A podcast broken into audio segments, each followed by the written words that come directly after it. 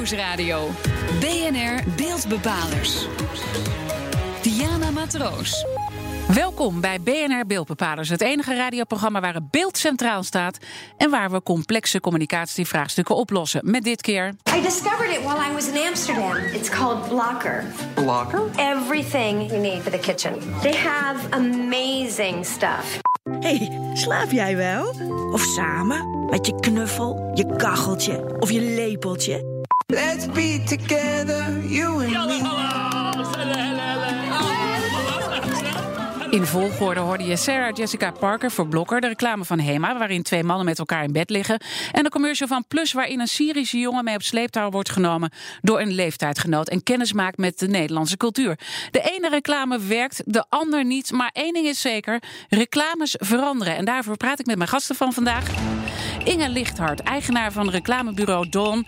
En Michael Joustra, hij is Head of Influencer Marketing bij Wannahaves. Beide van harte welkom. Uh, Inge, als ik bij jou mag beginnen. Wat is volgens jou echt een maatschappelijk verhaal dat reclamemakers meer en meer, en dus ook bedrijven, moeten gaan vertellen? Nou, ik denk, uh, daar kun je een heel uh, actueel voorbeeld van geven. En heeft Rutte vanuit de VVD een advertentie geplaatst over de samenleving. En hij gebruikte de metafoor van het vaasje. En eigenlijk uh, de boodschap was dat we toe moeten naar een veel inclusievere samenleving en meer verbinding met elkaar moeten zoeken. En ik denk dat daar een hele belangrijke rol weggelegd ligt voor bedrijven en merken om uh, zich daar hard voor te maken en daar een rol in te gaan spelen. Dat zie je natuurlijk ook als het gaat om die voetbalplayer. Ja, die uh, voetbalplayer waar uh, Nike afgelopen zomer een campagne mee heeft gevoerd. Het ging om Colin Kaepernick. Uh, dat was een voetbalplayer die uh, geknield uh, het volkslied aanhoorde in plaats met de hand op de borst. Met als gevolg daarvan dat niemand hem meer wilde sponsoren. Nike heeft besloten, we maken een campagne daarover, over hem. Zet hem in de hoofdrol. Um, en daar hebben ze twee dingen mee bereikt. Ze hebben hun domein van succes op het sportveld vergroot naar succes in de wereld en in het leven. En uh, hun verkoop is enorm gestegen en hun beurswaarde is met 36% gestegen. Gewoon dus, keiharde business. Dus het werkt. Het ook inclusieve nog verhaal. Het inclusieve verhaal. Uh, als we dan even vanuit influencer perspectief dat zouden neerzetten, het ja. uh, inclusieve verhaal, hoe zou jij dat aanpakken? Ja, proberen om, uh, om bij merken een koppeling te maken naar uh, wat willen jullie vertellen. En, en dan vooral ook daarop in te zetten en mensen te koppelen aan een bepaald merk van allerlei uh, huidskleuren, allerlei geaard, uh, alle geaardheid. Alles moet gewoon kunnen, vind ik. En ja, maar dat moet wel echt bij bedrijven er, erin zitten. En dat moeten zij ook echt uit willen stralen. Nike heeft daar heel duidelijke standpunten in genomen. ook politiek en zich behoorlijk wat op de hals gehaald. Maar dat is wel omdat Nike dat verhaal wil vertellen. En, en, en Colin Kaepernick wil omarmen. En, uh, het is ja, ook eigenlijk een beetje gevaarlijk om het te doen. Dus je moet het echt willen. Het moet, moet van binnen het uitkomen. Moet, moet er helemaal in zitten. Ja. Moet, het moet in je missie zitten. Het moet, het moet overal moet het, uh, moet het geventileerd worden en moet het naar buiten. En dan kun je ook heel actief met deze topsporter. En eigenlijk ook alle topsporters die dit verhaal gedeeld hebben op social media. Want dat, heeft, dat is nog een, een side effect. Uh, dat, ja, dan kun je een geweldig verhaal vertellen. Inge, als we dan even kijken dat maatschappelijke verhaal dat uh, steeds meer verteld moet worden, uh, kleur bekennen, want dat hoor ik door jouw woorden heen. Mm -hmm. Waarom is dat zo belangrijk dat reclamemakers en bedrijven dat meer gaan doen? Nou, dat komt. kijk, eigenlijk een van de hele grote trends de afgelopen tien jaar, zeg maar, is dat alles wordt steeds transparanter, alles wordt zichtbaar. Dus waar vroeger een bedrijf zich nog een beetje kon verstoppen achter een mooie campagne met mooie beelden en mooie woorden, uh, is alles uh, zichtbaar geworden voor iedereen. En mensen reageren daar ook onmiddellijk op. Hè. Dus uh, consumenten zijn eigenlijk ook zenders geworden en kunnen ook onmiddellijk afstraffen als iets niet klopt bij een bedrijf. Dat zie je bijvoorbeeld bij ING Bank, die echt zo'n verhaal, zo'n bevlogen verhaal, een beetje missen. Dat dan ook niet kunnen uitdragen. En dan krijg je daar een tegenreactie op. Dus uh, door, de, door de transparantie verlangen mensen gewoon dat je uh, een positieve bijdrage levert in hun leven en in de samenleving. En dat is dus maatschappelijk. Dus daarom en is dat, dat, is belangrijker geworden. Ja. Uh, Michael, ja. misschien toch nog even goed om bij jou te schetsen. Want jouw verhaal begint bij het Nederlandse kledingmerk Baller. Ja. Dat bedrijf heeft echt een enorme vlucht genomen. In een jaar tijd van 7,5 miljoen euro omzet naar 17 miljoen euro. En influencers als bekende DJ's en voetballers hebben daarbij een belangrijke rol gespeeld. Hoe is het gelukt om hen aan jullie te binden? Want volgens mij betaalden jullie er niet voor. Nee, we hebben eigenlijk uh, geen budgetten om uh, mensen in onze kleding uh, te steken. Het enige wat we aanbieden is de kleding.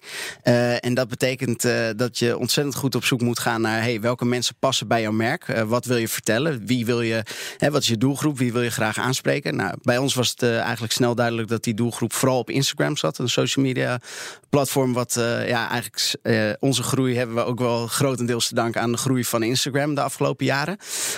Um, en ja, vanaf dan zijn we gaan kijken van hey, welke mensen worden nou, zijn nou echt populair op, op Instagram en passen bij ons merk benaderen. Uh, en maar dit zijn mensen die ook gewoon serieuze contracten hebben met bijvoorbeeld een Nike. En die dan toch dat kledingmerk gaan dragen. Wat is dat, dat dat ze dat doen? We hebben een andere benadering dan Nike. Nike die, die, die werkt echt met contracten. En dat doen ze ontzettend succesvol. Die uh, spreken voetballers aan op 15-jarige leeftijd. Tekenen contracten met ze. En, en ja, dat worden lifetime ambassadors vaak in veel gevallen.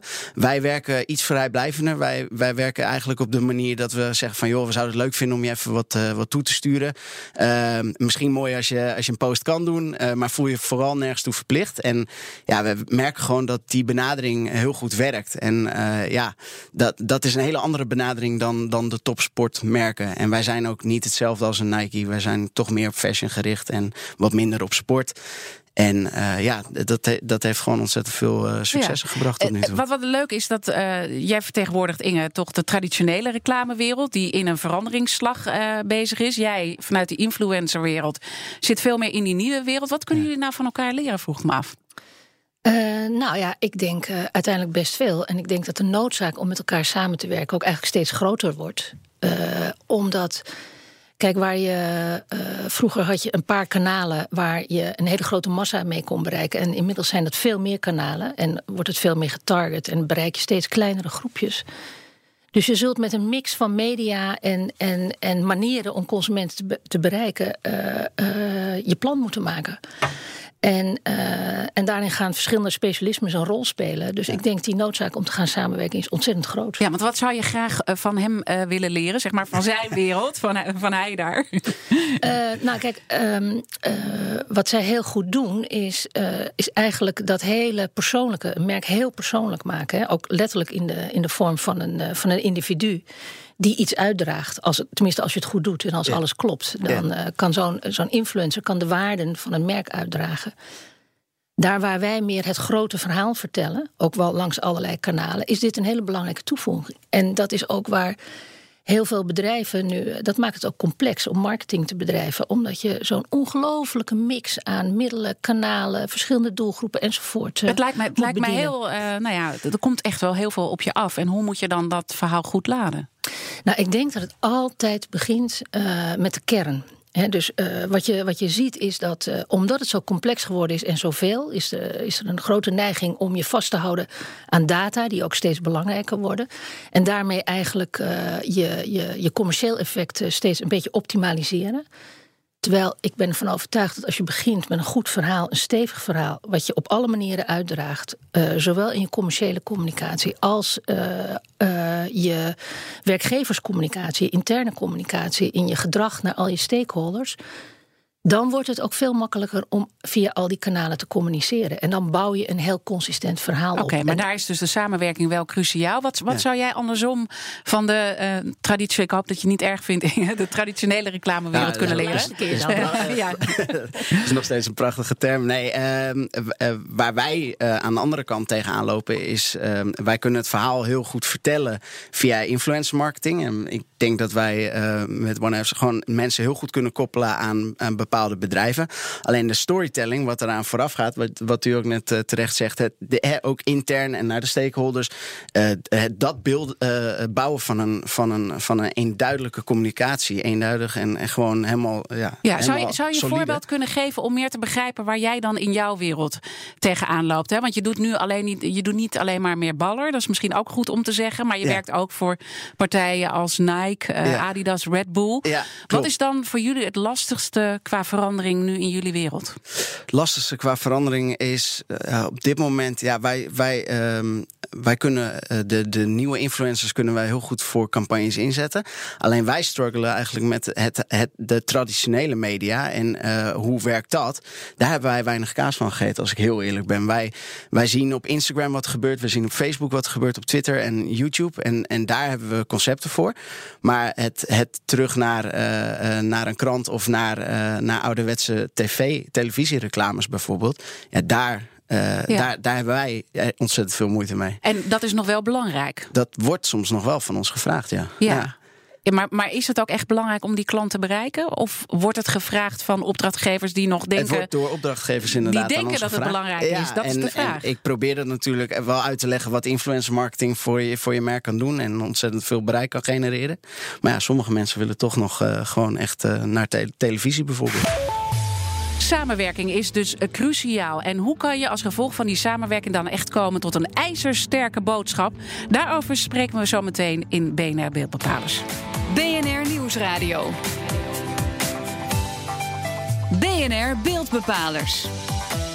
Vandaag praten we over de veranderende reclamewereld. En dat heeft natuurlijk alles te maken met consumenten die niet alleen maar meer ontvangen, maar ook zenden. Dat heeft natuurlijk ook met die online wereld uh, te maken. En hoe maak je dan als bedrijf, als reclamemaker, een ijzersterk verhaal? Mijn gasten van vandaag zijn Inge Lichthart, eigenaar van reclamebureau Don. En Michael Joustra, head of influencer marketing bij Wanna Haves. Uh, we hebben al een beetje nou, van jullie gehoord dat samenwerking tussen jullie beide werelden ontzettend uh, belangrijk is. Maar laten we nu even kijken hoe je ook echt een goed verhaal maakt. Michael, als ik bij jou mag beginnen. Ja. Wat zijn de gouden regels voor een ijzersterke post op social media? Uh, hetgeen wat degene post moet kloppen bij uh, de rest. Dus als je een travel influencer hebt, dan werken de posts in het buitenland werken het best. Dus niet ergens bij iemand thuis, maar echt op een balkon ergens in Santorini in Griekenland bijvoorbeeld met een prachtig strand op de achtergrond en een blauwe lucht. Um, dus het, het, moet echt bij de, bij de influencer passen. En dat betekent dat, uh, uh, dat als betaalde campagnes niet helemaal aansluiten bij wat die influencer normaal in het dagelijks leven doet dat je dan ook snel genoeg ziet dat de engagement hartstikke omlaag gaat. En dat, dat mensen het als uh, echt harde reclame maken ervaren. En, en ja, dat en gaat dat altijd dus ten koste niet. van comments, Ja. van engagement, van likes. En uh, ja, dat, dat werkt niet. Een, een goed voorbeeld daarvan was natuurlijk Sarah Jessica Parker in de reclame van Blokker. Die we Ja. aan het begin van de uitzending hoorden. Daar waren Ja. mensen echt kwaad over. Ja, maar uh, ja, heel eerlijk. waar slaat het op? Ja. Eh, eh, Ja, is, mijn, is mijn eerste. Nee, nee, Nee, dat, nee, dat nee. snap ik. Maar het is mijn eerste idee van eh, wa- waarom? En, Ja. en ja, dan moet je helder hebben van tegen wie praat je en, en, en, en, en, welke influencer of persoon. Dus het of, moet goed passen. Dus zou jij bijvoorbeeld voor Baller of een van de andere merken... we hadden laatst die voetballer die een, een, een filmpje over zichzelf had gemaakt... waarin hij rookte. Hij was een soort rapper, geloof ik. Zou zoiets passen? nee. Nee. Dat Nee, zeg jij dus, nee, dat, kan zit, niet. Dat zit in het Dat DNA van Baller dat we da- daar geen zaken mee doen. Geen drinkers, geen rokers. En ja, als dat voor iedereen duidelijk is, dan maak je die, eh, die fouten ook niet. Inge, als ik aan jou zou vragen... hoe maak je nu in deze wereld een ijzersterk eh, verhaal... een ijzersterke reclame? Nou ja, een, een ijzersterk verhaal maak je nu net zo goed eh, op dezelfde manier als dat je eeuwen geleden een ijzersterk verhaal eh, maakte. Dus het begint bij de kern van wat je wil vertellen. En die komt uit jezelf. Die heeft iets te maken met waar je voor staat, waar je voor gaat. eh, iets waar mensen in kunnen geloven. En dat moet je op een manier vertellen eh, die mensen raakt. Eh, dus niet alleen in het hart, niet alleen in het hoofd, maar juist ook in het hart. En wat heel erg belangrijk is momenteel, is dat je als je daar een idee voor bedenkt, want dat is creativiteit, hè, die, kern vertaal je naar een idee, dat je dan niet denkt vanuit een middel of een kanaal of een, of een, eh, of een, persoon, maar, maar echt denkt vanuit een idee wat door alle kanalen eh, in stand gehouden kan worden en overgebracht kan worden. En wat is dan zo'n idee? hè? Want je zegt aan de ene kant, het, het, blijft, het maken blijft zoals het altijd eh, is. Hè. Je moet vanuit een bepaalde kern denken. Maar toch is het heel complex geworden, heb je ook uitgelegd. Ja, en daarom moet je ook ontzettend investeren in consistentie. En een, een, een, een- een- nou ja, voor mij is een hele goede case, is bijvoorbeeld waar we het net over hadden, was Nike. Die is, eh, dat had alleen Nike kunnen doen. Met op deze Kaepernick, hè? Met Kaepernick. Ja? En uh, ze hebben dat ook op een manier gedaan die past bij hun. En, en die uh, desalniettemin ontzettend verrassend was. Die impactvol was. Hè? Dus je zag mega billboards met een heel groot hoofd. Met een zin die echt gewoon recht door je hart snijdt. Hè? Dus uh, stand for something, even if it means sacrificing everything. Dus dat is, dat is nogal wat om tegen mensen te zeggen. Nou, een voorbeeld van iets heel consistents is, uh, als ik dan uit eigen stal even mag putten, is wat wij bijvoorbeeld doen voor Triodos Bank. Die zeggen: volg je hart, gebruik je hoofd. En dat is een thema wat in alles gebruikt wordt. Dus niet alleen in de campagnes, maar ook in interne communicatie. Het is een toetssteen hoe ze mensen aannemen, enzovoort, enzovoort. Maar was dat niet altijd al zo dat je dit op al die platformen zo deed? Dus uh, waar zit nu het nieuwe in? Hè? Daar ben ik naar op zoek. Bij Colin Kaepernick begrijp ik dat. Nou, het nieuwe zit erin. Uh, dus zeg maar even, wat ik net beschreef, was een beetje de technische kant van een mm -hmm. goed verhaal vertellen. En uh, waar het momenteel heel erg om gaat, is er zit een hele nieuwe doelgroep aan te komen. We leven in een tijd waarin alles eigenlijk aan het veranderen is. En de consument vraagt van merken ook dat ze een bijdrage leveren aan positieve verandering. Dus je moet laten zien waar je voor staat. En, en wat moet jij echt zijn. Hè? Ik bedoel, want, want mensen prikken denk ik ook door heel veel dingen uh, ja. heen. Op het moment dat je product placement uh, gaat doen, ja. werkt dat toch totaal helemaal niet nee, meer. Dat, nee, dat is, dat is niet meer van nu. Uh, je ziet in het influencerlandschap zie je gewoon dat er een tijd lang deed men maar wat. Als, als ik heel eerlijk mag zijn, zag je dat gewoon op, op Instagram gebeuren. Ja, vandaag de dag kan het kan, kan gewoon niet meer. Je moet gewoon met een duidelijk idee mensen aan je binden. Nou, ik zou daar nog wat aan toe willen voegen. Is dat uh, momenteel is een, uh, een term die heel erg en vogue is. En die heet uh, purpose marketing. En dat betekent eigenlijk dat marketeers eigenlijk gebruik maken van deze trend. En laten zien hoe positief ze zijn. Of hoe goed ze voor de mensen zijn. Of het nou over gender equality gaat. Of andere vormen van inclusiviteit. En in veel gevallen klopt het niet helemaal met waar het bedrijf, de onderneming voor staat. En uh, uh, nou ja, dus dat, dat, daar, en dan keert het tegen. En dan keert het tegen. Daardoor wordt communicatie heel eenvormig. Hè, want het ja. wordt allemaal zacht gemaakt. Er wordt al gekscherend gezegd dat is de purpose piano. Mm -hmm. Het is dus uh, zo'n verhaal vertellen is ook iets wat in, uh, in de in top de van het bedrijf moet ook uh, gestuurd moet worden. Ja. toch, hè, als ik dan even kijk naar dat maatschappelijke verhaal wat jij zegt, dat heel erg gebracht moet worden door die bedrijven.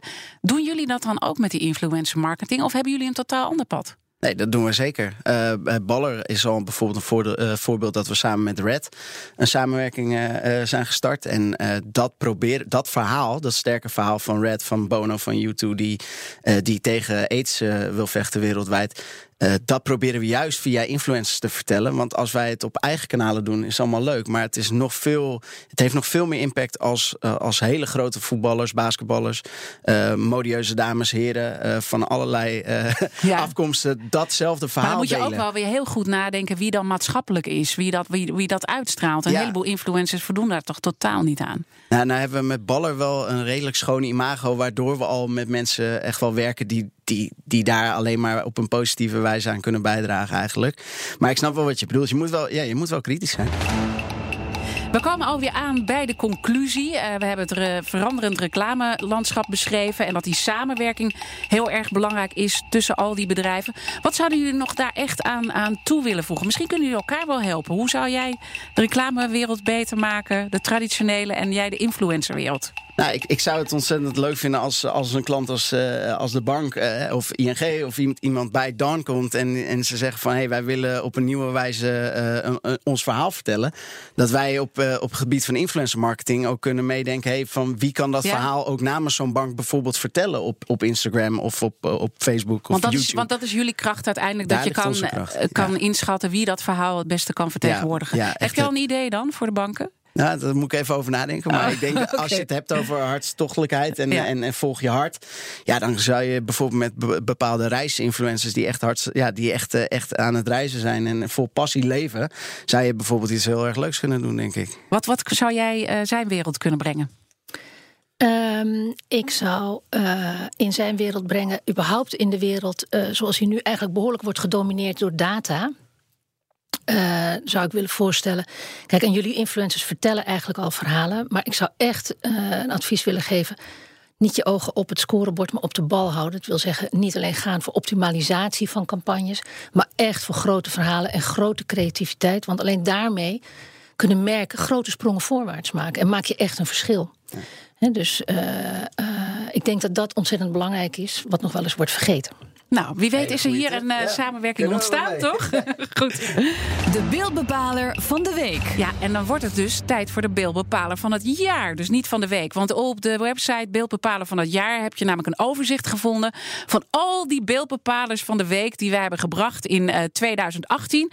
Op onze social media kanalen kon je vervolgens stemmen met de hashtag beeldbepaler van het jaar. En daar is heel duidelijk een beeldbepaler van het jaar naar voren gekomen. Redacteur Madelief van Haarlem, vertel. De beeldbepaler van het jaar, of nou ja, eigenlijk beter gezegd, zijn de 100 creatieven. Want hoe zat het ook alweer? Tijdens het eh, festival Act for Democracy, dat was eind mei, begin juni, hebben 100 creatieven uit Europa, bijvoorbeeld architect eh, Rem Koolhaas en fotograaf Wolfgang Tilmans, die hebben vier dagen met elkaar nagedacht over de vraag: hoe verkopen we de Europese verkiezingen in mei 2019 aan het volk? Nou, Juri Jansen, hij is van reclamebureau Roorda, was daar ook bij aanwezig en is ontzettend blij dat nu juist de 100 creatieven de beeldbepaler van het jaar zijn geworden. Ik denk dat het heel belangrijk is dat juist jonge mensen zeg maar, de zogenaamde people's vote laten horen. En dat vertalen naar ook oplossingen en creatieve concepten. Hoe we ja, Europa weer bij elkaar kunnen brengen. Dus ik ben er super blij mee. Dus het is weer aandacht ja, voor Europa op een positieve manier. Nou ja, Juri is dus hartstikke blij. Wij vonden het ook ontzettend leuk dat er zoveel mensen hebben gestemd. Al was wel heel duidelijk dat het echt één bepaalde kant op ging. Dus eh, voor de volgende keer, wie weet volgend jaar, eh, pakken we dit eh, weer op de beeldbepaler van ja, dit jaar. en we hebben natuurlijk sowieso een paar koptelefoons Ja. ook van BNR. Jij gaat zorgen dat Ja. dat allemaal bij elkaar komt. Dus dat die netjes komen bij de personen bij wie het behoort. Ik wil jullie hartelijk danken. Madelief van Haarlem. En dank ook aan mijn gasten Inge Lichthart, eigenaar van reclamebureau Don. En Michael Joustra, Head of Influencer Marketing bij Wanna Haves. Dit was BNR Beeldbepalers. Terugluisteren kan via de site, de app, iTunes en Spotify. Mijn naam is Diana Matroos. Tot volgende week.